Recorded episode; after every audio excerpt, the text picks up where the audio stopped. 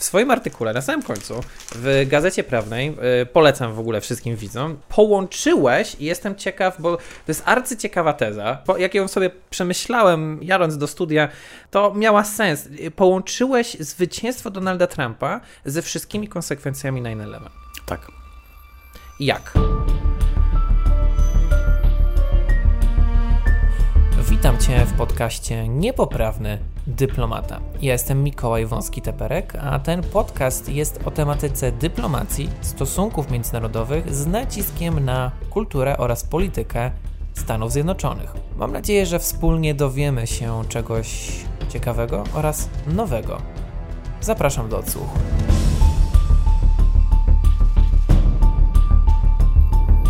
Dzień dobry moi drodzy, witam was serdecznie na kanale Niepoprawny Dyplomata. Nazywam się Mikołaj Wąski-Teperek. Cieszę się, że możemy e, tym razem gościć e, naszego gościa w studio. Cieszę się, że możemy e, się z wami widzieć w, w końcu na żywo z naszym gościem. Redaktor Jakub Dymek, dziennikarz tygodnika Przegląd, także jego strona internetowa dymek.subtrack.com, a także autor książki Nowi Barbarzyńcy. Dzień dobry Mikołaju, dzień dobry Państwu. Dzień dobry i dzięki za przyjęcie zaproszenia. Otwieram rocznicową, bo przed dzień 20. rocznicy 11 września, 10 września nagrywamy e, podcast i nie bez powodu mam tutaj tą e, prasówkę. Między innymi jest tutaj także twój artykuł w dzienniku Gazecie Prawnej, który oczywiście serdecznie polecam. Bardzo e, arcy ciekawa analiza. Nie mam tutaj Huntingtona, co prawda, starcia cywilizacji, o którym na pewno nie umieszkamy wspomnieć, ale mam też nie bez powodu prasę sprzed 20 lat. Chicagowską, co prawda, ale nadal zaliczamy ją do amerykańskiej. Rodzinę mam w Chicago, ale jakby cały świat, e, Chicago też się obawiało zresztą e, o swoje Sears Tower w, w downtown Chicago. No i co tutaj mamy? Wielkie oburzenie, niektóre gazety nawet pisały o wojnie. E, nasz kraj dostrzegł zło. Jakie reakcje były po 11 września i chcę pociągnąć oczywiście od razu follow-up tego pytania zrobić, bo była dość spora zgodność tego, jak Ameryka będzie reagować może jedną osobę z kongresu zauważyłem, która była przeciwko temu te reakcje, które przytoczyłeś na podstawie gazet tutaj zebranych, i tak nie należą do najostrzejszych.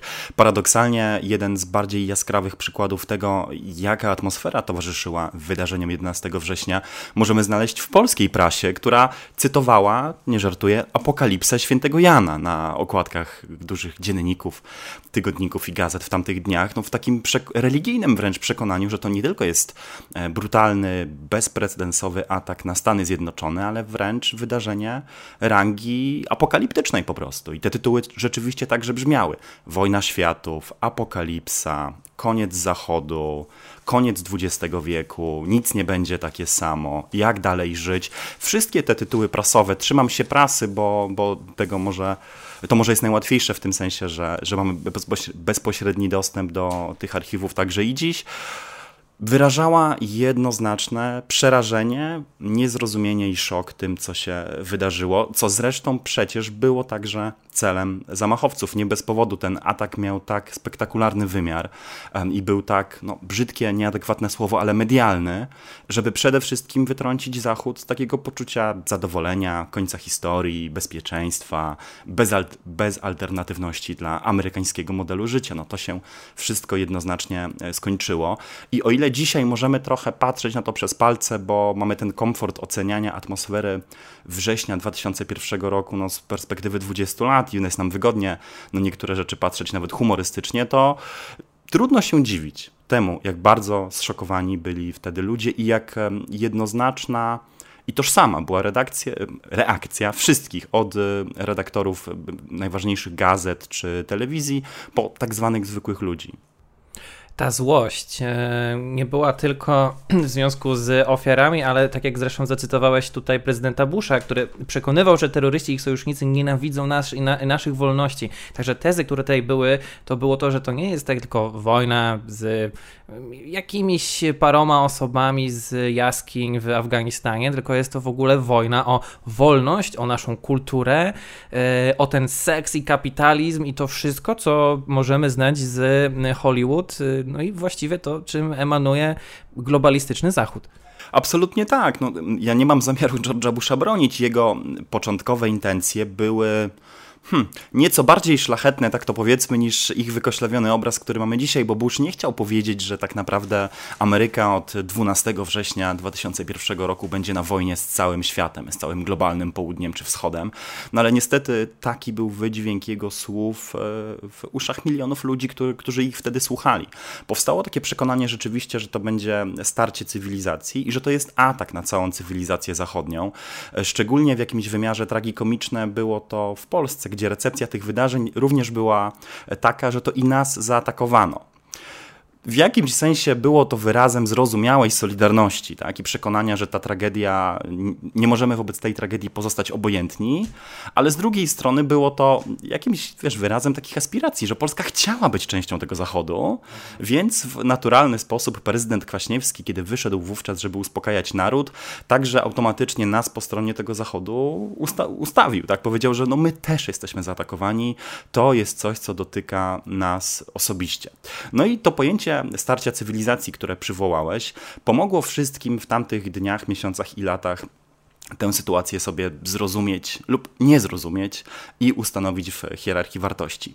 Ironia polega na tym, że autor tego pojęcia, e, filozof, politolog e, Samuel Huntington, e, który napisał najpierw artykuł, a następnie książkę pod tym tytułem, czyli Starcie cywilizacji w połowie lat 90., nie był jego zwolennikiem, lecz przeciwnikiem. Huntington chciał niejako ostrzec świat zachodu, że chociaż w tej epoce, po czasach komunizmu, po roku 89, a już w szczególności po upadku Związku Radzieckiego, Zachód dominuje, ma wielką przewagę militarną, ekonomiczną i technologiczną, to nie może zakładać, że ta przewaga nie pozostanie bez odpowiedzi i że będzie akceptowana przez wszystkich jednakowo i że różnice kulturowe kiedyś do nas nie wrócą i się na nas nie zemszczą. Tylko właśnie Huntington nie był entuzjastą tego scenariusza, nie był kimś, kto wzywał Zachód do tej wojny, tylko raczej mówił, że niestety dynamika historii jest taka, że historia zamiast się skończyć, prędzej czy później się na nas zemści.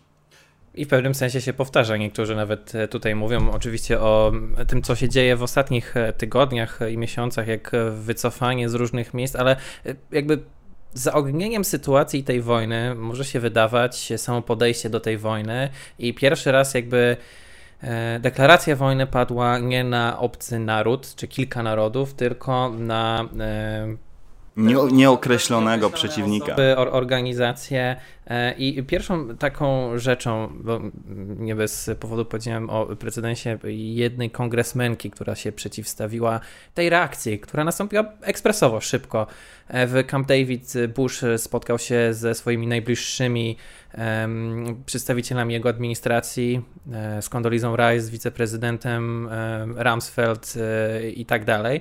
Mm, I wymyślono ustawę Patriot Act i wiele innych rzeczy, które potem e, prze, przeobrażono całą administrację e, z kontekstu śledczego. FBI, CIA, jakby tutaj powiedziano: OK, mamy problemy z komunikacją między wywiadem, musimy coś z tym zrobić. No i dalej pozwolono im, dano im gigantyczne narzędzia i podejście, jakie, jakie było administracji Busha do konstytucji, dawało wręcz unlimited power, jakby można zacytować Thanosa z um, uniwersum Marvela, w ręce prezydenta. I jakby tego dzieckiem dość szybkim był podpisany już w październiku, półtora miesiąca później, właśnie Patriot Act.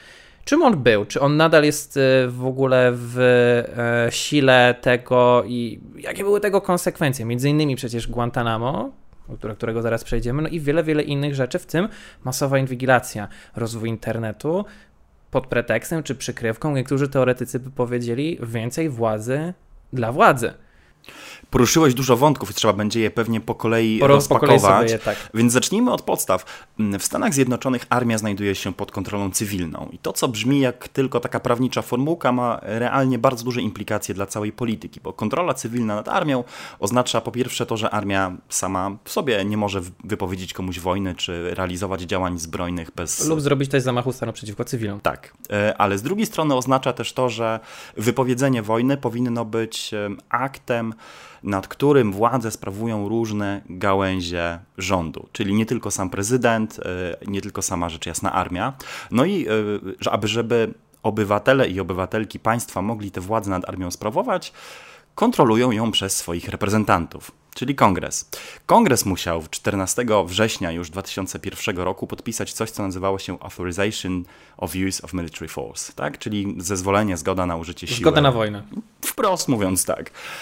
I to, jak powiedziałeś, dokonało się przy zgodzie wszystkich, z wyjątkiem jednej, Barbara Lee, e, członków i członkiń e, amerykańskiej Izby Reprezentantów, a później Senatu.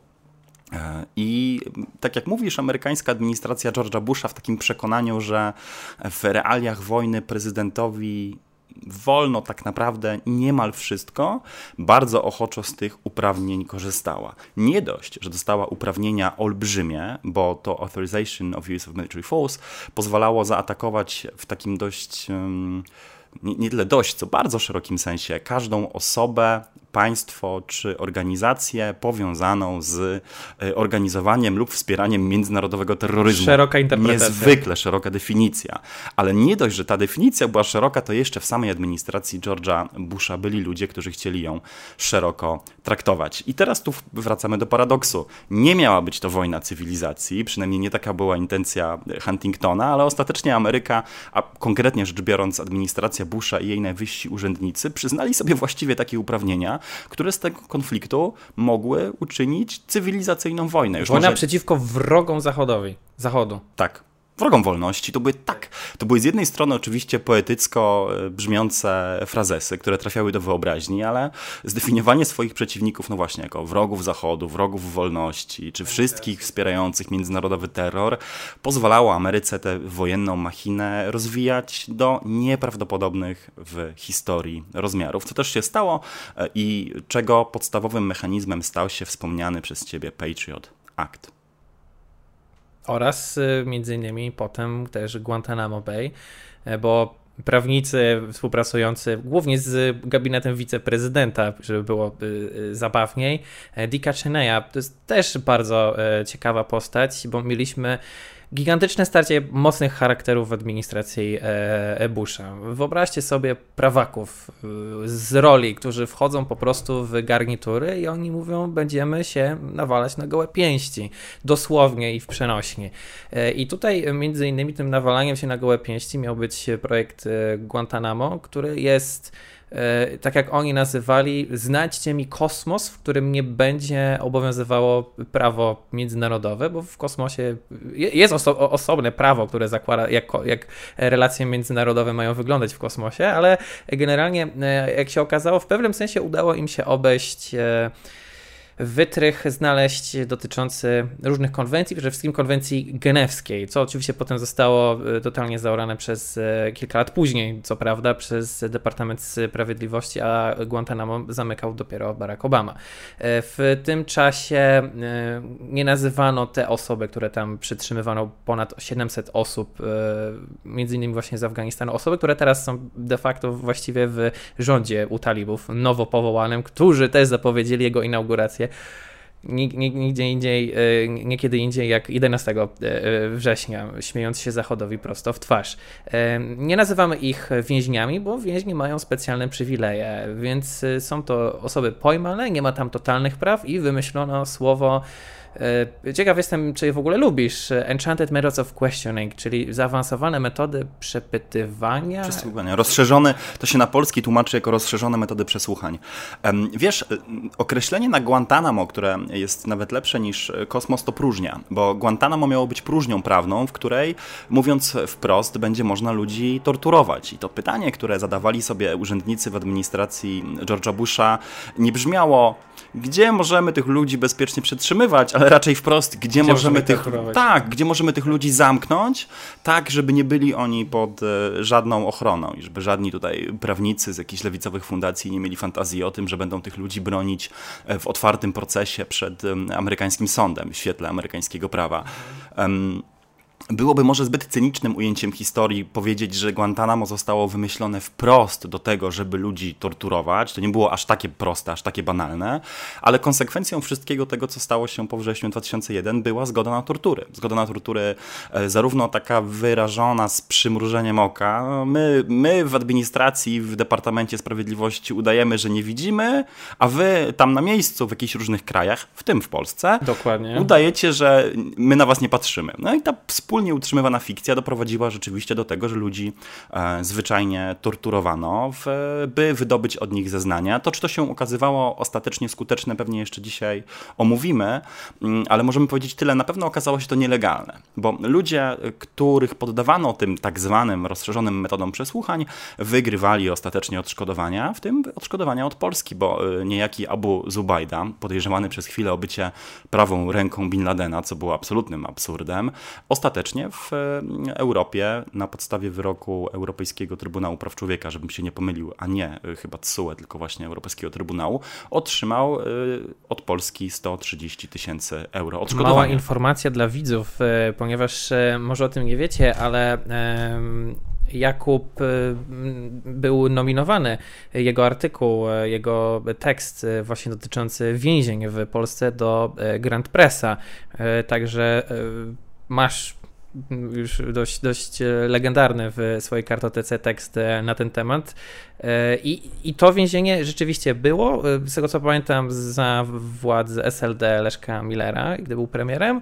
E, ale też słyszałem, że ten Abu Zubayda e, przecież wydał jedno dość ważne nazwisko, e, chyba Muhammeda, który był tym głównym mm, projektantem 9-11. Ciekawostka polega na tym, że to nie tortury doprowadziły do tego, że uzyskano od niego te informacje, tylko działalność no dziś już owianego zasłużoną chyba legendą agenta FBI Alego Sufana, który najcenniejsze dla amerykańskiego wywiadu informacje na temat działalności Al-Kaidy wydobywał od przesłuchiwanych e, przez siebie ludzi za pomocą podstępu, zaprzyjaźniania się z nimi, uważnego śledzenia informacji o ich jakby życiu rodzinnym, o ich pochodzeniu. Nie chcę tutaj robić ra racial profilingu, ale czy przypadkiem ten agent FBI no, y, jest jakby person of color? I do tego zmierzałem. I swojej, no I swojej znajomości języka arabskiego przede wszystkim, bo dzięki temu Sufan mógł mógł przesłuchiwać tych ludzi, nie tylko znając jakby ich okay. profil, ale także po prostu w, w, ich, w ich ojczystym języku. I też znał kulturę, kojarzył, wiedział co i jak. Czyli infiltracja zamiast tortur. Tak, i to okazało się ostatecznie e, skuteczniejszą metodą pozyskiwania wiedzy na temat siatki terrorystycznej Al-Kaidy e, niż stosowanie wobec tych ludzi tortur. A no dlaczego? Bo znana anegdota, ale prawdziwa, czy pewien truizm o torturach mówi, że człowiek torturowany nie mówi ci prawdy, tylko mówi to, czego ty chcesz od niego usłyszeć. Żeby bo człowiek poddawany, spokój. tak, bo człowiek poddawany e, cierpieniu ostatecznie powie wszystko, żeby to cierpienie się skończyło. Rola Polski w tym, w tym procederze jest niechlubna, bo na terytorium naszego kraju powstawały e, ośrodki lub ośrodek e, zwany w tej nomenklaturze wywiadowczej Black Site, czyli czarną dziurą niemalże, gdzie można było ludzi przetrzymywać przed przewozem ich do krajów, gdzie nie chroniło ich prawo przed torturami, np. konwencja genewska, bo tych ludzi można było wywieźć do dowolnego, zaprzyjaźnionego, niedemokratycznego państwa, gdzie mogli być wprost torturowani, albo mogli być torturowani na miejscu. Do tej ostatniej wersji przychyliło przychyliły się międzynarodowe trybunały, nakładając na Polskę odszkodowanie. E, ty wspomniałeś o tym, że, że to były czasy SLD i to jest prawda, ale ja w takim innym tekście znaczy, nie kiedyś... Nie wiem, akurat... Yy, to właśnie nie jest istotne. może najważniejsze, bo w takim innym tekście też przypominałem, że tak naprawdę cicha zgoda czy przyzwolenie na to, żeby te rzeczy działy się w Polsce, było raczej ponadpartyjne. To znaczy, jest... ja bym powiedział inaczej. Jakby e, w interesie Polski i sojusz polsko-amerykański chyba był zawsze po prostu mocny. E, bardzo ciekawą rzecz e, powiedział no, słynna polsko-amerykański dyplomata, pan Brzeziński, Zbigniew Brzeziński, który powiedział, że wojna z terroryzmem nie ma totalnie sensu, ale ma sens Polski do jej dołączenia że to, że Polska poszła z Ameryką, czyli to, że Polska, to co miał na myśli e, dyplomata, sens ma to, że Polska idzie z Ameryką, bo chce mieć i powinna mieć dobre relacje z Amerykanami. Kropka. Tak powiedział Brzeziński. My 20 tak. lat po rozpoczęciu się tego konfliktu pewnie nie rozstrzygniemy, czy Polska powinna była w nim uczestniczyć, Wielu naszych widzów pod ostatnim wywiadem z Gromowcem, z komandosem Gromu mówili, że no dobra, ale po co Polska tam się pchało, my jesteśmy kolejnym okupantem. Jakby rozumiem też te argumenty. E, nie, nie, nie zrozum mnie tak, że ja mam zamiaru tej decyzji bronić. Ja tylko nie, chcę powiedzieć, tylko chcę powiedzieć, że nie rozstrzygniemy tego, bo bilans polskiego udziału jest niezwykle skomplikowany. Z jednej strony zginęło 43 żołnierzy i jeden ratownik medyczny obywatelstwa polskiego. Z drugiej strony można powiedzieć, że na 33 tysiące y, polskich żołnierzy no to nie są aż tak straszne straty.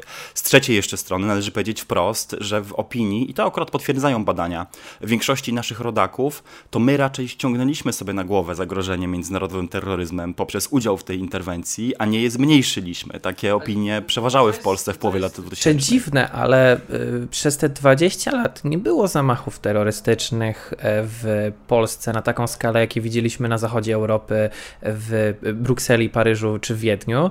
E, tak, tylko ja teraz mówię o tym, jakie były opinie w, w Polsce też, też w tamtych latach. Okay. Bo znowu, Y, zbrodni na cywilach i tragedii wojny z terrorem nie da się bagatelizować. Znaczy, to była wojna, która pochłonęła życie, y, jak szacuje projekt The of War, ponad 900 tysięcy ofiar o, tak, cywilnych. Tak, mamy, mamy te, te, statystyki, bo widziałem na twoim Instagramie, link w opisie do Instagramu Jakuba, e, wrzuciłeś tutaj, 929 tysięcy ludzi zginęło wskutek bezpośrednich działań wojennych w następie zamachów z 11 września 2001. Tak.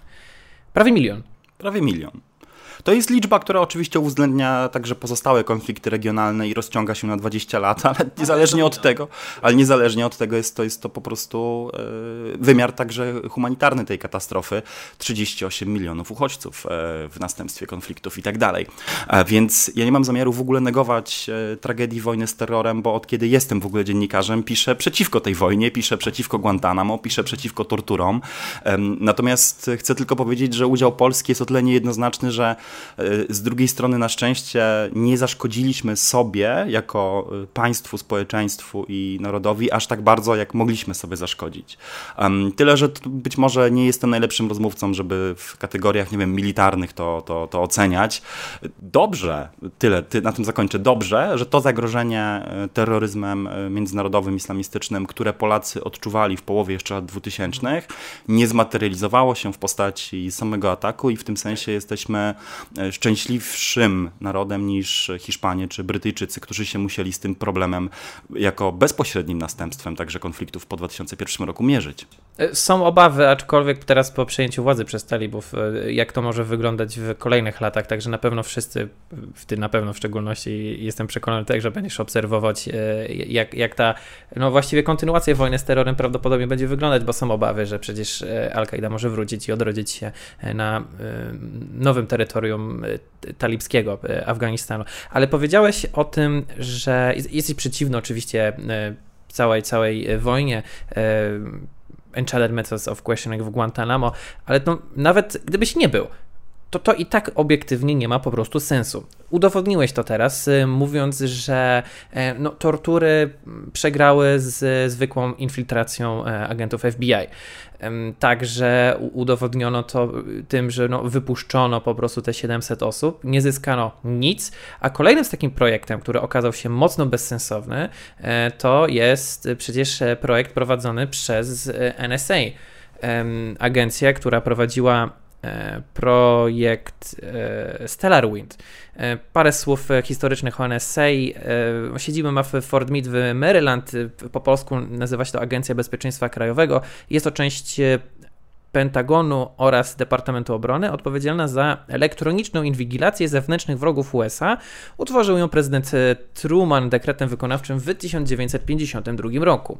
Wiązało się to z grupami łamiącymi szyfry podczas II wojny światowej. Obecnie zajmują się kryptoanalizą, cyberbezpieczeństwem, no i podsłuchami. A program StellarWord był programem podsłuchów bez nakazu, który polegał na gromadzeniu dużej ilości metadanych, a także gromadzeniu treści komunikacji prowadzonej na terenie USA. Metadane. Nieraz o tym e, słyszeliśmy, że nasze dane, metadane, gdzieś to lata, coś to robi. To jest kolejny projekt, który okazał się e, projektem, który prawnie mógł, jak się okazało, zbierać te, te metadane, ale nie mogli do nich patrzeć legalnie. Czyli dopóki je zbieramy, ale nie patrzymy w nie, to wszystko jest ok. E, okay. Tak to wyglądało przez długi czas. W międzyczasie pojawiło się no, Dlaczego o tym teraz rozmawiamy? Dlaczego o tym wiemy? Pojawili się sygnaliści. whistleblowerzy, którzy, którzy nam o tym e, powiedzieli. A sam program, jak się okazało, zbierał tyle informacji, które okazało się tak bezużyteczne, tak niemożliwe do. E, już nie tylko ciężkie to jest do zgromadzenia, na pewno są gigaterabajty y, treści, samych napisów zresztą, kto, kiedy, do kogo dzwonił, czym są metadane i, i, i, jaka jest w ogóle Twoja opinia e, na temat e, kolejnego projektu po Patriot Act i Guantanamo, który zrodził się po przecież 11 września. Ryan Liza, publicysta New Yorkera, nazwał metodę działania NSA budowaniem stogów siana tylko po to, żeby znaleźć w nich igłę. I rzeczywiście e, masowe zbieranie informacji o komunikacji elektronicznej na skalę idącą w setki, może i miliardy ludzi, e, było tym, na czym NSA zbudowało swoją niesławę w ostatnich 20 latach.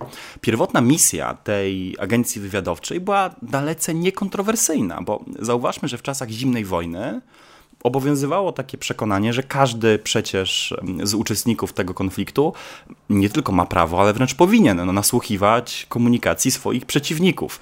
Kontrowersje z NSA zaczęły się tak naprawdę na dobre wtedy, kiedy coraz więcej osób, także wspomnianych przez ciebie sygnalistów, zaczęło podejrzewać, a następnie mówić prasie o tym, że wśród tych przechwytywanych, analizowanych czy wprost podsłuchiwanych informacji elektronicznych są informacje dotyczące bezpośrednio Amerykanów. I na tym polegał paradoks. Agencja, którą powołano w celu nasłuchiwania za granicami Ameryki, stała się prawdopodobnie, być może, jedną z agencji, które podsłuchiwały w największym e, możliwym, najszerszym też możliwym sensie samych Amerykanów. Innymi słowy, szpiegowstwem e, czy policją bezpieczeństwa wewnętrznego samej Ameryki. No coś, co dla miłujących wolności indywidualne Amerykanów no było takim orwellowskim, totalitarnym koszmarem. No jak to w kraju, który ma specjalne poprawki do konstytucji zabraniające Czwartą tego rodzaju chyba. działania, tak, może istnieć agencja, która swoich własnych obywateli bez nakazu sądowego będzie podsłuchiwać. I tu dopiero chyba powinniśmy przejść do tego rozróżnienia, no, czym się różni podsłuchiwanie od zbioru metadanych, które sobie NSA samo przyznało. Metadane to są y, informacje dotyczące naszej komunikacji, które nie są jej treścią. Czyli w przypadku e-maila byłoby to wszystko poza Czyli tym, co w samym Jakub e-mailu. zadzwonił do pana Mikołaja i rozmawiali przez 3 minuty i 15 sekund. Tak, to no i to się, to się wydaje oczywiście Chyba, że jest jeszcze jakaś geolokacja, gdzie ty stałeś z telefonem, pod A już teraz ona, nie, nie, ona, tak. się jako pierwszej podłączył twój telefon. Czyli można jakiś tam obszar do tam, nie wiem, kilkuset metrów załóżmy zlokalizować. Tak, no i ta informacja wydaje się z pozoru niewinna. No to jeżeli agencja nie przechwytuje informacji o tym, o czym my rozmawialiśmy, no to właściwie nie można nazwać tego wprost podsłuchem, bo niczego nie słucha. Problem oczywiście w tym, że co dzisiaj jest jakby trochę już mniej kontrowersyjne, ale jeszcze pamiętajmy 10, 12, 13 lat temu, kiedy te informacje się ukazywało, było naprawdę nowością. Problem polega na tym, że jeżeli masz takich informacji wystarczająco dużo, to możesz z łatwością zbudować profil danej osoby. Tak? Na, dlaczego człowiek, który nigdy nie, nie ma, na przykład nie ma żadnych krewnych w takim kraju, zaczyna do tego kraju dzwonić? Podejrzane. Albo dlaczego człowiek, który e, był w perfekcyjnym zdrowiu, nagle dzwoni do lekarza za często? Tak? A dlaczego ten człowiek um, używał tego numeru tylko do tego jednego kontaktu? Tak? Dlaczego dzwonił tylko z jednego numeru do jednej osoby? Pozwolisz, że uproszczę to do takiego paradoksu. Nie wiem, czy to jest fakt, to jest moja e, jakaś tam e, synteza. Jakby rozumiem, że mogę usiąść sobie do swojego komputera i zacząć po prostu szukać. E, ok, Abu Zabi, tam, potem Muhammad, potem Osama, potem nie wiem, jak dołączyć do ISIS, a potem coś tam, coś tam, coś tam, e, a potem sobie, nie wiem, zabukuję bilet do Syrii, czy, czy no, akurat do Syrii bezpośrednio nie da rady, ale no gdzieś tam zacznę podróżować i e, nie wiem, o Koranie coś czytać lub coś w tym stylu. Ale są też inne paradoksy, na przykład, tak mi się wydaje przynajmniej, correct me if I'm wrong, jestem ciekaw, co powiesz, kupowanie alkoholu w Norwegii w momencie, w którym kupuję alkohol e, na dowód osobisty w Norwegii, z tego co wiem i rozumiem, tak to wygląda, mm, mogę dostać w pewnym e, momencie informację od rządu, panie Mikołaju, coś za często pan ten alkohol kupuje, czy może ma pan problemy? I tutaj e, trochę to przypomina takie targetowanie, jak targetowanie reklam ciasteczkami na stronach internetowych. Wyleć się z alkoholizmu, albo idź do psychologa i czy to można uznać też jako jakieś takie pokłosie konsekwencji już takie może ultra skrajne tego programu? Wiesz co, to jest, to jest przykład o tyle kontrowersyjny, że różne programy monitorowania zachowań obywateli, wszystkie rządy Zachodu wprowadzały w tej czy innej formie przez całą epokę nowoczesności. Okay. Więc to jest trochę tak, że ta tradycja jest dłuższa niż sam nasłuch elektroniczny. Wiele, wiele książek, zarówno konserwatywnych, jak i lewicowych, z różnych perspektyw wpisano o tym samym zjawisku. To znaczy, rząd posiadający dobre intencje chce mieć kontrolę nad swoimi obywatelami mhm. w aspektach, które wydają się niewinne, no niestety taki program się wynaturza i okazuje się być e, szkodliwy. Obrońcy NSA mówili zawsze i dalej mówią, że przecież państwo musi monitorować swoich wrogów i musi mieć dostęp do narzędzi szpiegowskich. No tak, ale jeżeli Problem ja jestem nazywany wrogiem państwa, no to czuję się trochę Problem. nieswojo. Problem nie? polega na tym, że to nie są e, tylko dwie skrajności. To nie jest tak, że ma, wybieramy albo państwo bezbronne, albo państwo totalnej inwigilacji. Tutaj jest, jest bardzo wiele odcieni szarości mhm. i na przykład e, można się e, spierać. Na przykład, czy państwo ma prawo szczegółowo patrzeć, kto kto na terytorium tego kraju przylatuje i w związku z tym na przykład częściowo ograniczać jego wolność na lotnisku, jako takim newralgicznym punkcie y, wejścia, wyjścia i tam poddawać te osoby drobiazgowej kontroli. Dzisiaj nas nie budzi to naszego zdziwienia, to znaczy... To tak się dzieje. Tak się po prostu dzieje, tak. ale też y, przeważająca większość z nas chyba też uważa, że dzieje się tak w uzasadnionym celu. Już nie nazwę tego dobrym celem, ale uzasadnionym celu, tak? Nie chcemy, żeby ktoś, y, kogo sobie nie życzymy do, do naszego kraju wleciał, nie chcemy z kolei, kto, żeby ktoś, kto nie powinien tego robić no tak, z Polski to, to wyleciał, to nie budzi takiej kontrowersji. Natomiast druga skrajność, czyli prewencyjne prześwietlanie życia milionów, ba, setek milionów obywateli w przekonaniu, że im więcej tych danych zbierzemy, to czy tym prędzej coś jednak uda nam się wyśledzić, budzi uzasadniony niepokój. No bo przecież wszyscy nauczyły nas tego amerykańskie filmy. Wyobrażamy sobie to tak, że kiedy puka do naszych drzwi agent albo policjant, mówi dzień dobry, mam nakaz przeszukania albo nakaz aresztowania. Sądowy. Tak. I my wtedy możemy twierdzić, że nam się to nie podoba, ale ten człowiek wchodzi tutaj z nakazem. Logika tego masowego nasłuchu elektronicznego kompletnie unicestwiła te, te fikcje. Znaczy te fikcje, że ktoś musi zdobyć e, sądowy nakaz na podstawie probable cause, tak, uzasadnionej e, przesłanki do no tego, chyba żeby nawet w Polsce były podobne sytuacje, że było e, wszczęte postępowanie i dopiero z jakimiś już podstawowymi e, szlakami przychodzili agenci do sądu z prośbą o legitne inwigilowanie. Dopiero po tym, jak już coś znaleźli. Retroaktywnie. Czyli no odwrót. Tak, co się nie powinno dziać. Znowu, nie żyjemy w świecie idealnym, wiemy, że tego rodzaju naruszenia będą się zdarzać. To nie jest oczywiście tak, że tylko Bush z Chenejem wymyślili cały ten mechanizm. Pierwszy skandal, który dotyczył inwigilacji Amerykanów na masową skalę, również z udziałem NSA, to jest historia lat 70., więc to też nie jest tak, że, że tylko tych dwóch panów to wymyśliło. Natomiast jest oczywiście różnica między tym, że służby mogą dopuszczać się nadużyć, czy przekraczać granice prawne swojego y, mandatu, które otrzymały, a między tym, że tworzysz system, teraz mówiąc językiem programistów, e, it's a feature, not a bug, tak? że tworzysz system, który jest w tym celu tak naprawdę zaprojektowany, żeby przypadkowo e, podsłuchiwać e, setki milionów ludzi. I to, to drugie, to drugie doprowadziło w Stanach Zjednoczonych tak naprawdę do masowego sprzeciwu przeciwko masowej inwigilacji.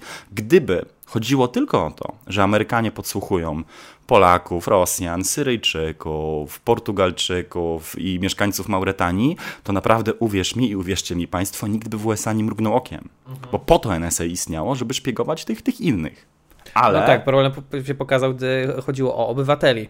Tak święta konstytucja, czwarta poprawka, pierwsza poprawka, wszystkie inne poprawki zresztą także też. Czwarta, czyli właśnie tym, że nie możesz mieć agenta w domu, nawet jeżeli nie jest e, fizycznie. W ogóle śmiesznie, bo przypomniałeś makkartyzm, czyli właśnie to, że e, wspomniałeś, e, tak, Polak, Malezyjczyk, ktoś tam, no ale wystarczy przeciwnik polityczny i posłuchiwanie, nie wiem, komunistów, KKK, nazistów, albo nawet po prostu partii republikańskiej czy demokratycznej. Też były takie sytuacje. Przecież. Absolutnie były, absolutnie były. I znowu część obrońców tego systemu chce nas zaszantażować takim argumentem, no jeżeli tobie się to nie podoba, no to na pewno jesteś anarchistą, pacyfistą, chcesz, żeby albo państwo niczego... Albo masz coś do ukrycia, albo chcesz, żeby państwo niczego już, już nie mogło. Um, to nie jest argument, to jest szantaż moralny, bo wiemy doskonale, że poparcie dla działań obronnych państwa, szczególnie w następstwie 11 września, było olbrzymie. Jedyne, jedyne, jedyny aspekt tego, z którym był poważnie problem, no to aspekt e, celowego naruszania praw człowieka w sytuacji, w której nie było, nie było takiej konieczności. Wrócę na chwilę do Guantanamo, bo to nam się mogło w rozmowie trochę prześliznąć.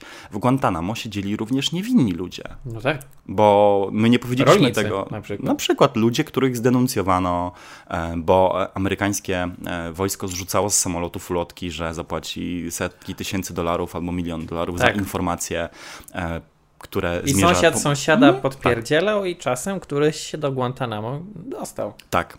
E, Ja robiłem wywiad z prawniczką człowieka osadzonego w Guantanamo e, całe lata, Mohameda Ouluda Salahiego, obywatela Mauretanii, e, który był jednym z najdłużej siedzących w Guantanamo ludzi, który wydał książkę Dziennik z Guantanamo. Dzięki pracy prawników, obrońców praw człowieka umożliwiono w końcu publikację jego notatek z samego Guantanamo w postaci książkowej.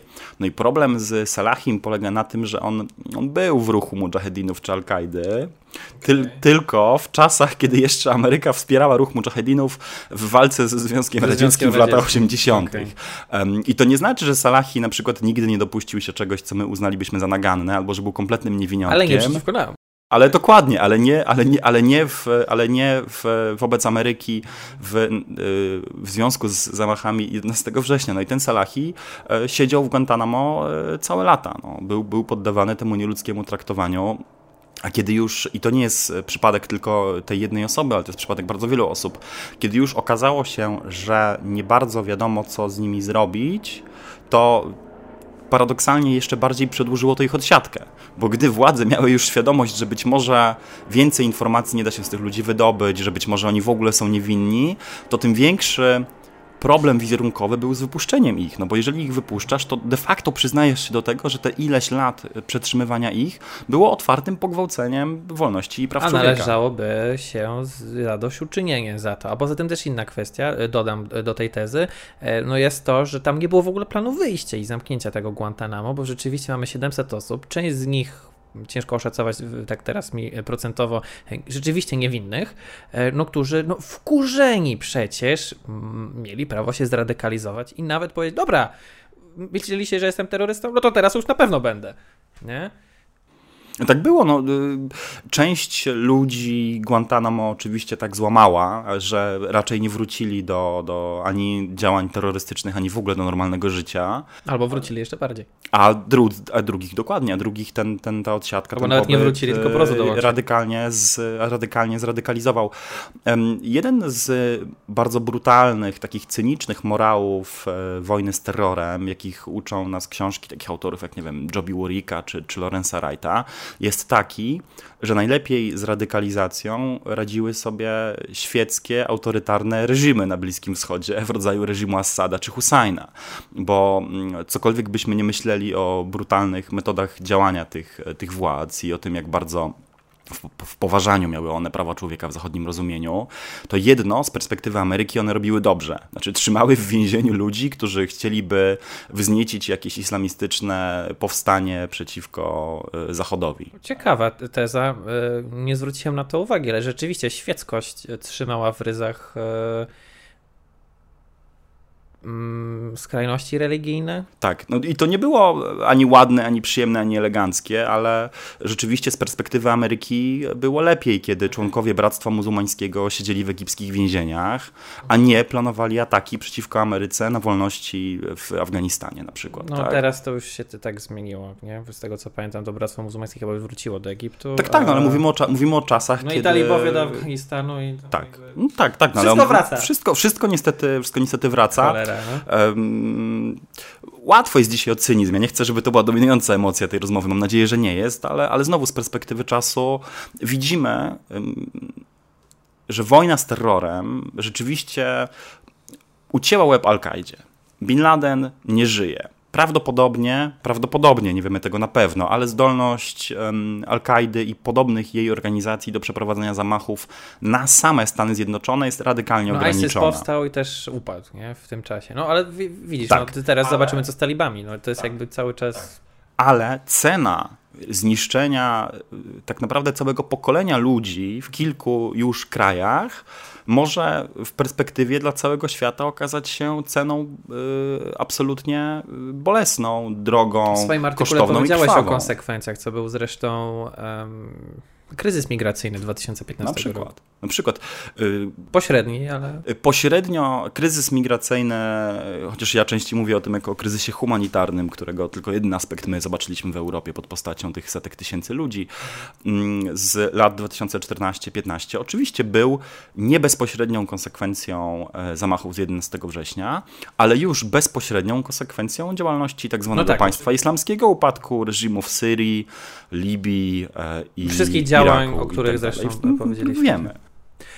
Wspomniałeś, e, ja wspomniałem także o e, tych whistleblowerach. E, Kogo słynnego znamy i co oni takiego ciekawego zresztą powiedzieli w skrócie i co tam u nich w, ogóle, bo słyszy się zresztą Edward Snowden chyba dziecka się spodziewa.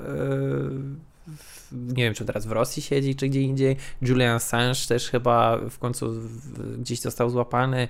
William Binney z NSA się okazało, że robił jakieś algorytmy i software'y dla Q- QAnon. W ogóle dużo plot twistów e, tam ciekawych było. E, Kojarzysz te osoby? Miałeś okazję gdzieś o nich więcej e, posłuchać, czy może nawet poznać? Ja kiedyś robiłem nawet protest. Nie, nie, nie ja robiłem, ale uczestniczyłem, współorganizowałem z Fundacją Panoptykon taką małą demonstrację na warszawskim Okęciu w imię przyznania w jakimś państwie europejskim azylu dla Edwarda e, Snowdena, gdy on był no, przez lata najbardziej poszukiwanym człowiekiem na świecie, który ostatecznie, i to jest jeden z wielkich paradoksów historii, znalazł schronienie e, i azyl w Rosji Władimira Putina. E, Ci sygnaliści, whistleblowerzy, to są osoby, które używają swojej wiedzy na temat działania jakiejś organizacji, żeby nagłośnić nieprawidłowości, e, łamanie praw człowieka, czy nielegalne aspekty działania. Kompromitując Tak. Życie de facto. Często ryzykując, ryzykując e, zemstę, ryzykując odsiadkę, ryzykując bardzo kosztowne czy wieloletnie Niektórzy procesy. wierzyli, że Trump ułaskawi albo Assange'a w ostatnie dni, albo Snowdena. Była, co się, co się nie zdarzyło. Była kampania zmierzająca do tego, żeby, żeby Donald Trump Były totalnie ułaskawił. inne, przedziwne. I rzeczywiście, tak jak mówisz, e, z, wśród whistleblowerów, którzy nagłośnili e, nadużycia NSA, najbardziej znanym z oczywistych powodów jest e, Edward Snowden, czyli były analityk CIA pracujący jako podwykonawca w jednej ze spółek, które, które pracowały dla amerykańskiego rządu w czasach wojny z terrorem. Snowden, mm, oburzony tym, o czym rozmawialiśmy wcześniej, czyli właśnie nie samą wojną z terrorem jako taką, ale nadużyciami Ameryki wobec jej własnych obywateli, wyniósł, mm, wyprowadził z e, serwerów dokumenty, które pokazywały to, jak te konkretne programy działają. To znaczy, czego amerykańskie NSA używa, żeby naprawdę zdobywać wiedzy o swoich własnych obywatelach. Dokumenty te przekazał mediom, innymi e, angielskiemu, brytyjskiemu Guardianowi, ale w ogóle szer, takiej szerszej siatce e, dziennikarzy, po to, żeby prasa mogła rzetelnie, uczciwie i z poszanowaniem też jakby interesów bezpieczeństwa narodowego te skandale opisać. To późniejsze losy Snowdena, którego y, wówczas jeszcze demokratyczny, a nie republikański mainstream uznały za y, wielkiego wroga Ameryki i kogoś w rodzaju zdrajcy stanu, no y, odmalowały tę postać w dużo bardziej negatywnym świetle wobec jego takich, prawdę mówiąc, amerykańskich, patriotyczno-nacjonalistycznych pobudek. No bo znowu Snowden nie był jakimś wielkim, mm, globalnym pacyfistą, którego aż tak bardzo obchodził los e, tutaj na przykład obywateli Polski czy Unii Europejskiej, tylko był przede wszystkim człowiekiem, który bardzo mocno wierzył, wyznawał wręcz amerykańską konstytucję i wolności, które ona gwarantowała amerykańskim obywatelom i zbuntował się wobec tego, co uznał za swego rodzaju, no właśnie zdradę tych konstytucyjnych amerykańskich ideałów. Dziś, mówię na ironię, no, siedzi, siedzi w Rosji e, już e, blisko dekadę, mm, a w związku z tym, jaką rolę też Rosja zaczęła odgrywać w amerykańskiej wyobraźni po 2016 roku, em, to szanse na, na to, że kiedyś zostanie on będzie umożliwiony mu o powrót do Ameryki, zwrócony mu zostanie, bo jemu został odebrany amerykański paszport e, i być może obiecane to, że nie zostanie ukarany karą śmierci, a przecież to mogłoby mu grozić, perspektywy są e, niestety dość nikłe. Czym w międzyczasie tych 20 lat był program Wikileaks? O którym dużo słyszeliśmy, dużo też dziwnych rzeczy tam było. Można zarzucać też niektóre rzeczy, jak ujawnienie nazwisk, e, co po niektórych e, undercover agents między innymi w Rosji. Zresztą, którzy, czyli amerykańskich szpiegów, szpiegujących po prostu na przykład, na, będąc w terenie w tym samym czasie, e, co też się chyba przyczyniło do kompromitacji e, ich przykrywki, złapania ich dość prędkiego i szybkiego, także wielkiego resetu amerykańskich e, agentów tak naprawdę w terenie, niestety, czy stety, zależy jak na to patrzycie. Drony chyba były taką mocną rzeczą, którą też Wikileaks powiedziało niechlubne nagrania e, żołnierzy amerykańskich, którzy strzelali dronami po prostu jak popadnie. Mm, najpierw pod jurysdykcją CIA, potem Pentagonu to się skończyło rzeczywiście. Y, co wiemy o osobie też Juliana Assange'a i Wikileaks? No to jest bardzo długa historia, nie wiem od czego zacząć. Wikileaks było pomysłem na to, żeby udemokratycznić e, wycieki, czyli właśnie leaks dokumentów e, rządowych i wykorzystać do tego bezpieczne, anonimowe technologie internetowe. No taki bardzo idealistyczny pomysł, e, z którego można było skorzystać na, na bardzo, bardzo, różne, bardzo różne sposoby i też właściwie był on na tyle bezczelny innowatorski, że na początku także media w ogóle nie wiedziały, co e, z tym zrobić. Jego pomysłodawcą, jak powiedziałeś, był Julian Assange, wywodzący się z Australii haker, filozof, anarchista, libertarianin, też niezwykle kontrowersyjna postać e, dziś ukrywający się, korzystający z azylu w, e, pod postacią takiego trochę aresztu domowego w ambasadzie Ekwadoru w Londynie.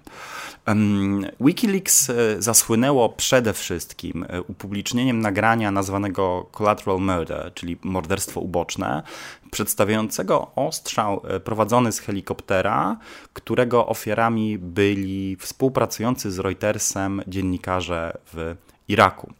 Piloci... O, to przekręciłem z drona tak, z helikoptera. Chodziło o, helik chodziło o helikopter. Okay. Ale drony też wyciekły chyba. Absolutnie tak. tak. Um, no i intencją, intencją Wikileaks było nagłośnienie tych e, zbrodni wojennych i tego, że Ameryka e, tak naprawdę no, łamie szereg konwencji międzynarodowych e, w, podczas czy w ramach swoich działań w, Araku, w Iraku i Afganistanie. Natomiast problem z Wikileaks zarazem polegał na tym, że rzeczywiście ich metoda opierała się na upublicznianiu całych dokumentów.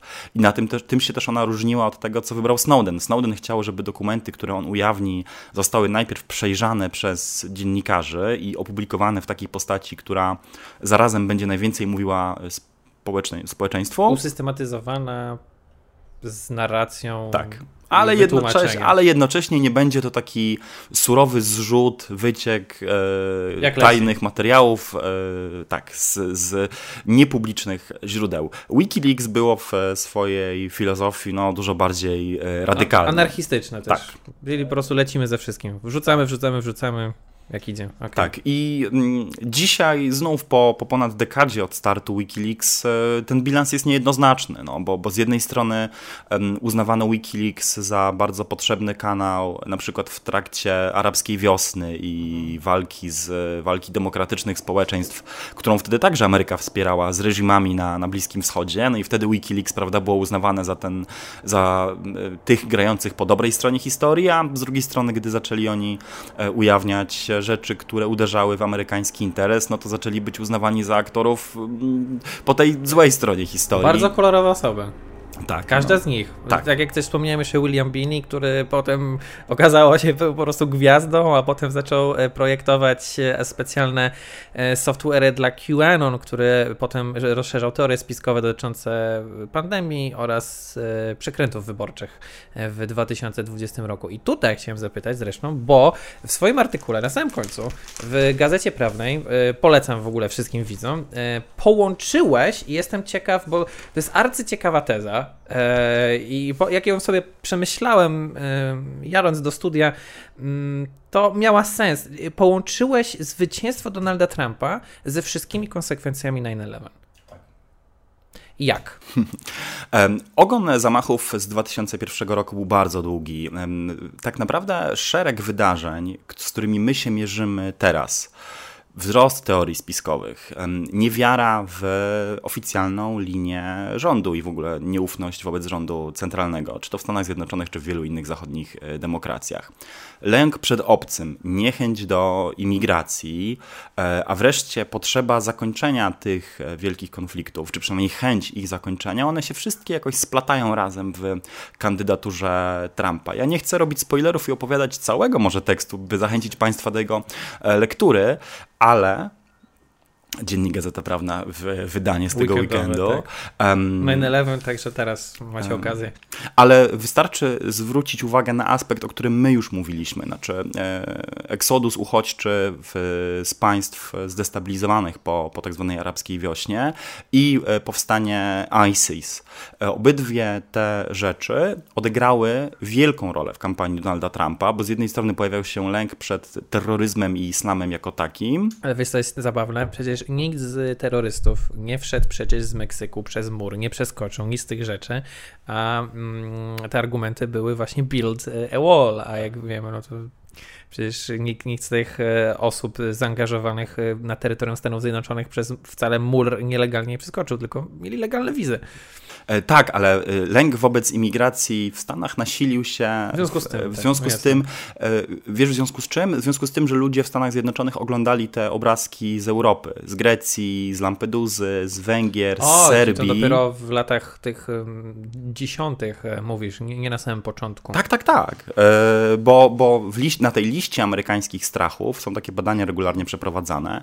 Oczywiście terroryzm był bardzo długo wysoko, ale on o dziwo zniknął z tej listy gdzieś w połowie lat właśnie nastych i zastąpiła go, zastąpiła go imigracja i cyberterroryzm. Trump ten lęk przed imigracją e, skutecznie wykorzystał. I to jest, i to jest tak, że następstwa wojen, które rozpoczęła Ameryka, przeniosły się do Europy w postaci fali migracyjnej, w postaci tego egzodusu no tak, uchodźczego. Bliżej, no to do nas, tak, do Europy. Następnie Ameryka obejrzała sobie te zdjęcia, stwierdziła, co to, to nie, znaczy my sobie na coś podobnego nie chcemy pozwolić, więc wybierzemy bardziej antyimigracyjnego kandydata.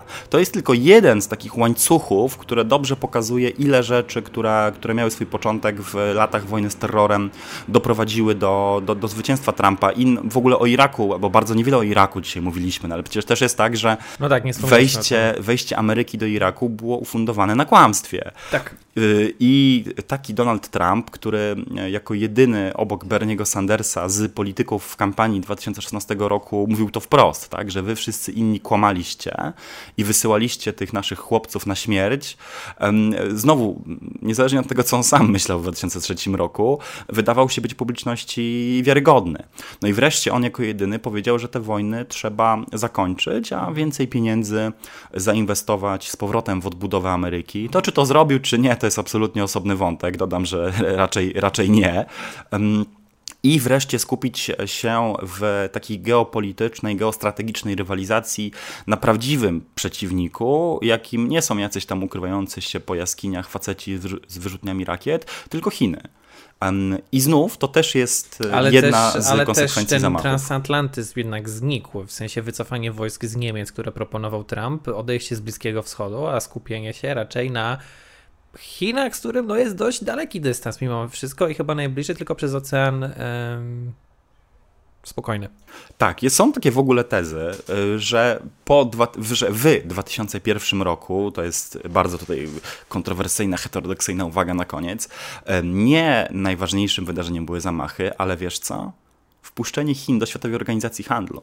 Są dzisiaj badacze, yy, naukowcy, eksperci, którzy uważają, że tak naprawdę to, że cały świat zachodni zajął się walką z terrorem, zapomniał o Chinach, zapomniał o Chinach i przez to y, państwo środka mogło wyłonić się jako tak potężny rywal całego Zachodu te 10-15 lat później. I tu znowu wracamy do Trumpa. Do Trumpa, który powiedział: okej, okay, my tego Bliskiego Wschodu nigdy nie uporządkujemy. To znaczy, nigdy nie zaprowadzimy tam demokracji, nigdy nie doprowadzimy do tego, że ci ludzie będą robili to, co my chcemy.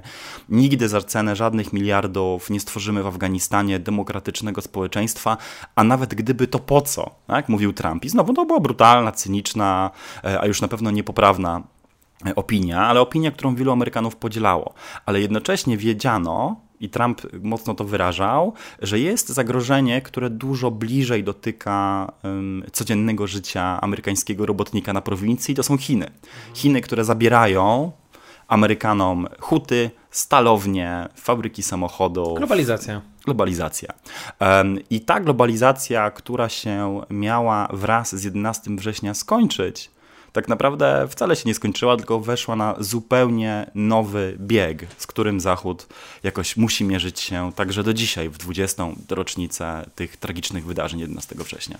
Moi drodzy, na naszym biurku, jeżeli oglądacie, a nie słuchacie, jest jeszcze miejsca przynajmniej na drugie tyle stołu e, gazet, e, a na pewno będą się pojawiać, e, gdyż 20 lat po, przez trzech prezydentów, którzy przez Biały Dom przeszli, już teraz kolejny zresztą w XXI wieku, Joe Biden, czwarty z nich, wyjście z Afganistanu, kolejny rozdział otwarty 20 lat pod World Trade Center i na pewno razem z Jakubem będziemy sytuację dalej przez kolejne 20 lat. Oby nie, oby nie, znaczy monitorować jak najbardziej, żeby ona nie rozwijała się w zgodzie z tą e, dynamiką.